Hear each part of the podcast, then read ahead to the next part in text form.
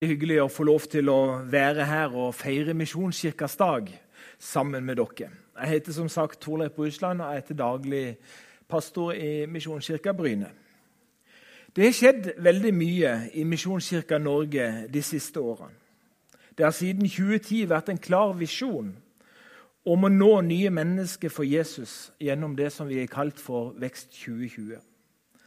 Siden 2010 har vi landet over sett en betraktelig økning i gudstjenestebesøk. Antall mennesker i smågrupper har økt.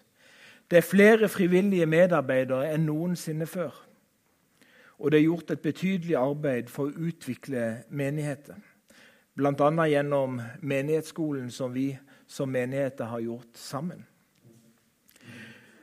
Nye menigheter er etablert, og enda flere er i en plantefase landet over. Mye flott har skjedd. Nå er tida inne for å se at enda større ting skal skje. Årets tema for Misjonskirkens dag er derfor 'større enn oss sjøl'. Guds rike er større enn oss. Det er større enn deg og meg. Det er større enn vår lokale menighet. Og det er større enn Misjonskirka Norge. Guds rike har til hensikt å spre seg enda lenger utover. Og det er hva vi skal fokusere på i dag. I Matteus 9, 35-38 står det Jesus vandra nå omkring i alle byene og landsbyene. Han underviste i synagogene deres, forkynte evangeliet om riket og helbreda all sykdom og plage. Og da han så folkemengden, fikk han inderlig medfølelse med dem. For de var forkomne og hjelpeløse, som sauer uten gjeter. Da sa han til disiplene sine.: Høsten er stor, men arbeiderne få. Be derfor høstens herre sende ut arbeidere for å høste inn grøten hans. Høsten er stor, sa Jesus. Noen ganger så tror jeg at vi leser innhøstningen er stor. Men det er ikke det Jesus sier. Han sier høsten er stor. Det betyr at det er mye som står klart for innhøstning. Men det sies ingenting om selve innhøstningen og resultatet av den. Jesus har et klart fokus på innhøstningen, fordi han sier at vi skal be høstens herre om å sende arbeidere ut for å høste inn grøten hans. Det er spenning i teksten, fordi Jesus sier at høsten er stor, men arbeiderne få. Det er for få mennesker som er orientert mot høsten, som har sitt virke retta inn mot innhøstningen. Han ber sitt folk om å gå i forbønn for denne tida, og for at folk skal komme inn i arbeidet for den store jobben som ligger foran oss. Jesus. Jesus hadde inderlig medfølelse med mennesket.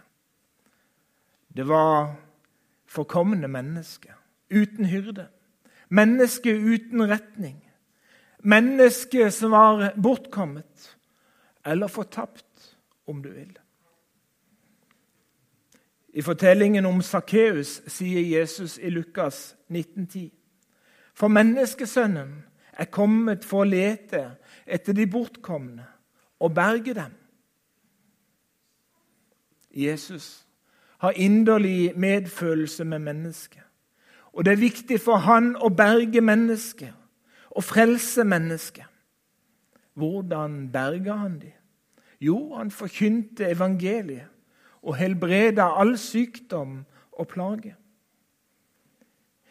Han forkynte evangeliet for de som var bortkommet, og han helbreda dem fra all deres sykdom og plage.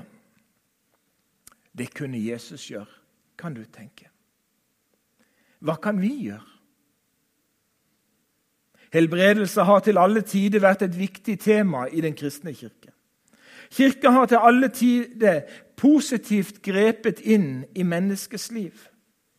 Folk har nådegave til ulike ting. Sånn er det i kirka. også til å helbrede.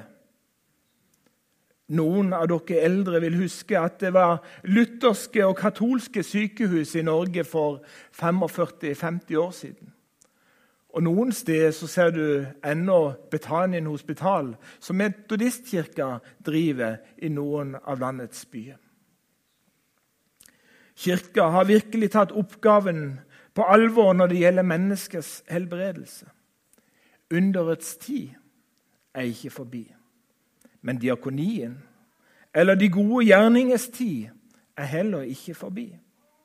Det er fremdeles behov for at noen rekker ut sine hender i en inderlig medfølelse med mennesket. Kanskje har vi på mange måter de siste årene forsømt en del av dette. Vi har for all del gjort det i misjonen ute. I Hongkong har vi bygd opp sykehuset Håpets havn. Et av de beste krefthospitalene i området. I Kongo, Colombia og Hongkong har vi etablert skole. I Colombia har mer enn 5000 mennesker gjennomført en vellykka rehabilitering fra rusmisbruk og blitt frie mennesker. Det er fantastisk. Jo, vi har gjort mye i misjonen, og arbeidet vårt har vært særs vellykka.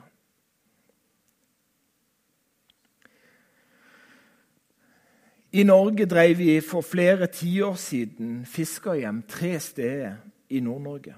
Der kunne fiskere som hadde vanskelige kår, komme og få mat og godt stell. Vi har tidligere drevet rehabiliteringstilbud for mennesker med rusproblematikk gjennom stiftelsene Arken og Finnerud gård. Diakonien i menighetene har kanskje vært litt mer innovervendt. Tjent menighetens eldre, syke og vanskeligstilte. Jo, mye godt har skjedd, og vi er glad for det. Nå i den siste tida er det flere menigheter som har engasjert seg sosialt utenfor menighetens indre krets. Misjonskirka Norge sier at diakonalt arbeid skal være et satsingsområde i årene framover. Og vi ser at menigheter går nye veier for å tjene det samfunnet som vi alle sammen er en del av. I flyktningkrisa vi hadde for to år siden, var det mange menigheter som var på banen og tok ansvar. Flere menigheter har de siste årene engasjert seg og driver etter skoletidarbeid for barn som er for gamle til å gå på SFO, men som i Misjonskirka kan få et rimelig måltid mat, godt fellesskap leksehjelp. Et godt sted å være. Et godt sted å være istedenfor å dra hjem med en nøkkel rundt halsen til et tomt hjem. Menigheter har vært engasjert med kafédrift og matutdeling til vanskeligstilte i nærmiljøet.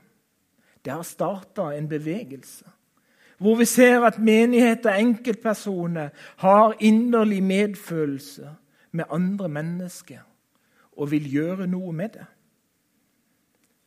Fokuset denne søndagen er altså større enn oss sjøl. Hvor mange ganger har vi ikke hatt fokus på oss, vårt eget, våre egne? Jesus ber oss om å løfte blikket, se utover oss sjøl. Hva innebærer det å se utover oss sjøl? Johannes kapittel 4 er et annet sted hvor Jesus peker på dette. Og Vi skal lese fra vers 34 og utover.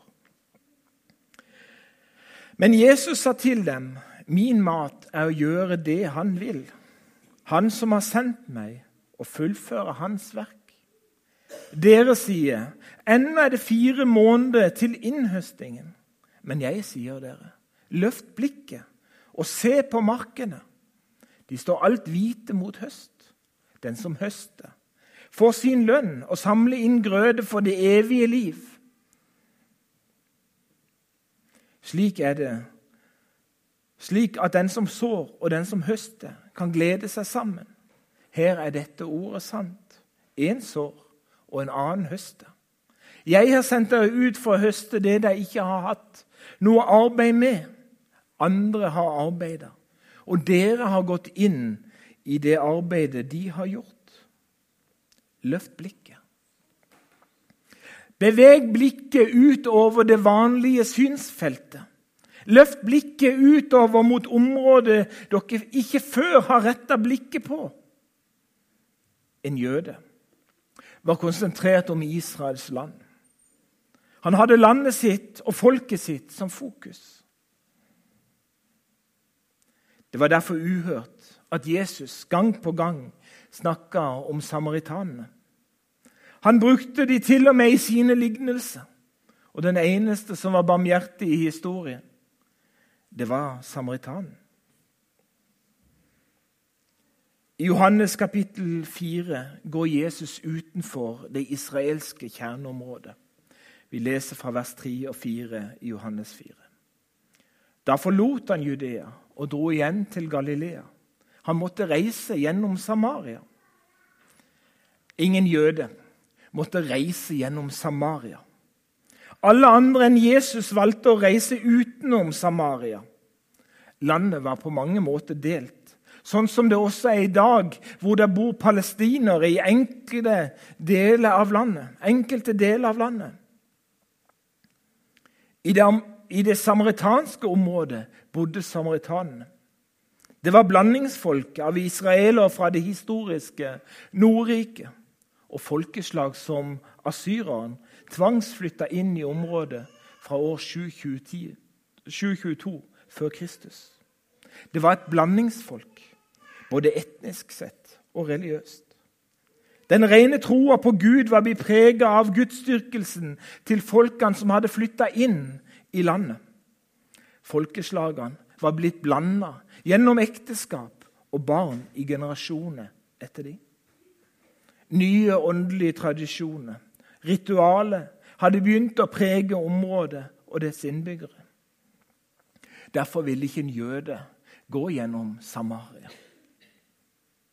En jøde ville derfor gå store omveier for å komme forbi Samaria på reise mot andre steder i det historiske israelske Nordriket, som Galilea var en del av. Grunnen til at Jesus måtte reise gjennom Samaria, var ganske enkelt at det var hans kall. Han hadde et oppdrag der fra Faderen. Det er også det resten av den historien vi skal dele sammen, forteller oss. Jesus måtte gå dit. Det var uvanlig for en jøde å gå. Jeg tror Gud noen ganger kaller oss til å gå utenfor de vante plassene, hvor vi kanskje kjenner det komfortabelt, hvor kanskje vi føler at det er mest rett å gå.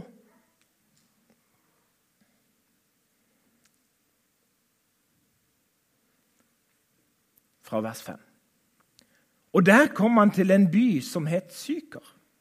Like ved det jordstykket Jakob gav sin sønn Josef. Der var Jakobskilden. Jesus var sliten etter vandringen, og han satte seg ned ved kilden. Det var omkring den sjette time. Det er fantastisk å lese Bibelen. Den forteller akkurat hvordan tingene var. Jeg tror at når vi tenker på Jesus, så ser vi på en person som ligner en superhelt. Barnesangene våre i kristne sammenhenger omtaler til og med Jesus som superhelten noen steder. Superhelter de blir aldri slitne, men det ble Jesus. Han måtte sette seg ned. Det var omkring den sjette time, altså klokka tolv, midt på dagen. Da sola står som høyest og er aller mest plagsom for dem som er på vandring gjennom et ørkenlandskap. Jesus er sliten. Han er merka av dagens lange vandring. Han er merka av dagens hete. Han kjenner på de samme følelsene, de samme opplevelsene som deg og meg. Jesus vet hvordan vi har det i vårt hverdagsliv. Han vet om det når han kaller oss ut av komfortsonen. Og han vet hvordan det er der. Han har vært der sjøl. Da kom en samaritansk kvinne for å hente vann. Jesus sier til henne, 'La meg få drikke.' Disiplene hans var gått inn i byen for å kjøpe mat. Hun sier, 'Hvordan kan du, som er jøde, be meg, en samaritansk kvinne, om å få drikke?' For jødene omgås ikke samaritanene. Det kom en kvinne midt på dagen for å hente vann. Ingen kommer for å hente vann midt på dagen. Det er tungt arbeid. Og tungt arbeid det gjør du ikke i den verste solsteiken. Det er ikke for ingenting at søreuropeeren har siesta midt på dagen og litt utover ettermiddagen. Da gjør man ikke arbeid. Da slapper man av. Da spiser man. Da sørger man for å komme til krefter. Denne kvinna kom på et tidspunkt hun visste at det ikke var noen andre mennesker der. Hun var en kvinne som hadde de samme mekanismene som deg og meg. Hun unngikk enkelte situasjoner. Og derfor var hun der. Hun forventa ikke å møte en eneste levende sjel der. Og så var det nettopp det hun gjorde. Hun møtte sin skaper. Hun møtte sin frelser. Jesus spør henne om hjelp til å få vann. Hun blir overraska. Noen snakker til meg. Det er en mann. Han som snakker, han er jøde. Alt ble feil. Jesus snakker til en kvinne. Det var utenkelig. Jesus snakker til en samaritan. Det er utenkelig. Kvinna gikk ut midt på dagen i håp om å ikke møte noen. Hun var en kvinne få. Kanskje ingen egentlig ville snakke med. Jesus gjorde ting som var annerledes. Hans kall til deg og meg er å gjøre det samme. Kvinner erkjenner at denne mannen er annerledes. Denne jøden er annerledes. I det hele tatt så er denne mannen annerledes.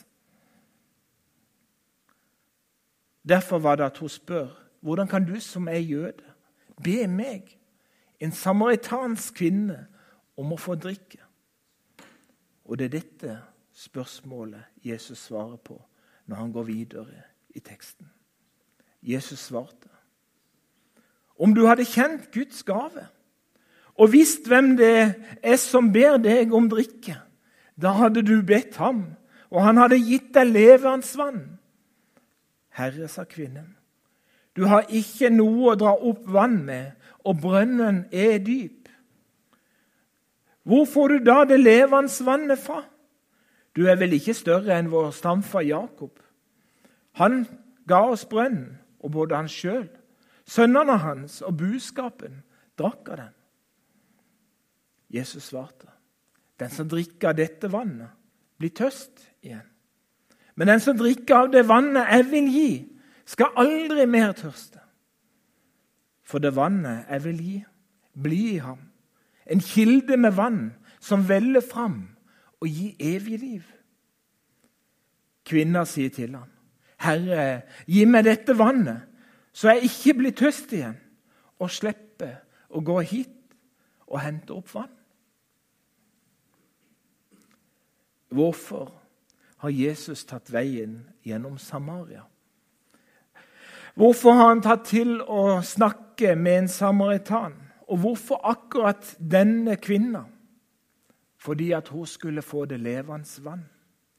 Fordi at hun skulle få del i det evige liv. Derfor gjorde han det. Jesu kall til samaritanene er evig liv. Det er hans kall til oss som er nordmenn. Det er hans kall til de som er flyktninger i vårt land og asylsøkere. Det er hans kall til alle mennesker rundt oss. I de politiske debattene denne høsten så høres det ut som at folk er gode jøder og ikke vil ha noe blanding av folk og folkeslag.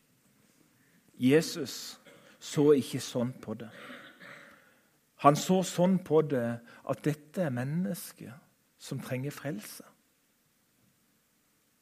Det er også mennesket som trenger omsorg.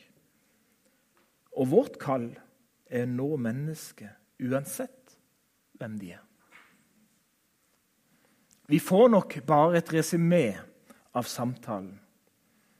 Men det synes som om at Jesus forklarer ting for kvinner på en sånn måte at hun forstår at hun trenger Jesus. Hans omsorg, hans frelse. Hun forstår det ikke helt ennå. Og hun har fortsatt flere utfordringer, så derfor fortsetter samtalen. Da sa Jesus til henne.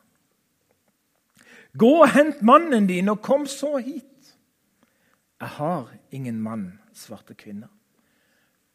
Du har rett når du sier at du ikke har noen mann, sa Jesus. For du har hatt fem menn, og han du nå har, er ikke din mann. Det du sier, er sant. Jesus kommer inn på hennes store utfordring i livet. Hun har hatt fem menn og har ikke lykkes i kjærlighetslivet. Hun har kontakt med mann nummer seks, men de er ikke gift. Kanskje er han fremdeles gift med en annen. Eller er de bare ikke kommet så langt at de har fått gifta seg ennå? Kanskje er de samboere. Så ting er ikke helt på plass ennå. Kanskje tør hun ikke gifte seg med denne mannen fordi at hun har vært så uheldig så mange ganger før. Vi vet ikke så mye. For Jesus har ikke til hensikt å henge ut noen eller blottstille noen. Han er bare opptatt av å møte ei kvinne som er i dyp behov av et møte med han. Men kanskje er det nettopp denne delen av historien som gjør at hun ikke kommer til brønnen sammen med de andre kvinnene på kvelden, når det er svalt og godt, når det er godt tidspunkt å komme for å gjøre tungt arbeid. Herre, jeg ser at du er en profet, sa kvinna. Våre fedre tilba Gud på dette fjellet.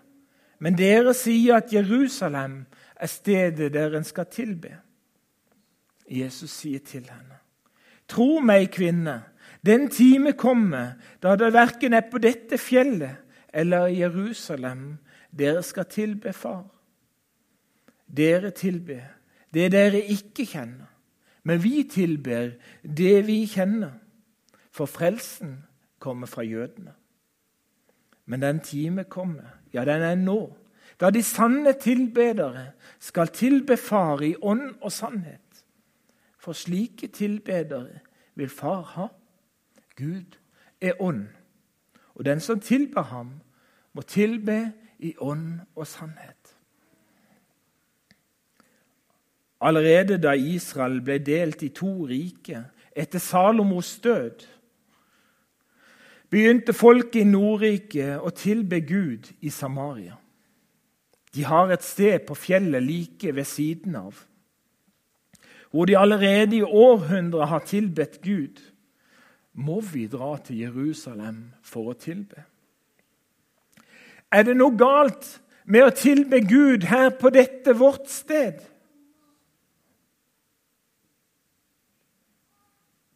Må vi legges under den jødiske stat for å være Guds barn?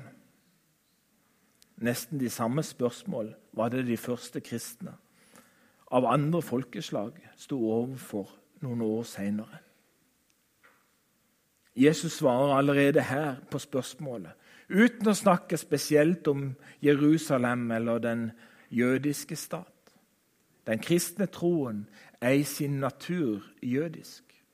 Den har sitt opphav i jøden Jesus Kristus, Guds sønn. og er derfor knytta til dette folket. Det som imidlertid er mer viktig enn noe annet, er at den som skal tilbe Far, må gjøre det i ånd og sannhet. Gud er ånd. Og Derfor er tilbedelse og fellesskap med Gud en åndelig øvelse. Det er en åndelig tilværelse som en er i når vi tilber Gud. Dernest er Gud hellig. Og Derfor er det snakk om sannhet. Gud kaller alle oss som vil leve sammen med ham, til å leve i sannhet. Sannhet var nok en utfordring for denne kvinnen. Hun hadde mange utfordringer som det var lettest å dekke over eller å unngå.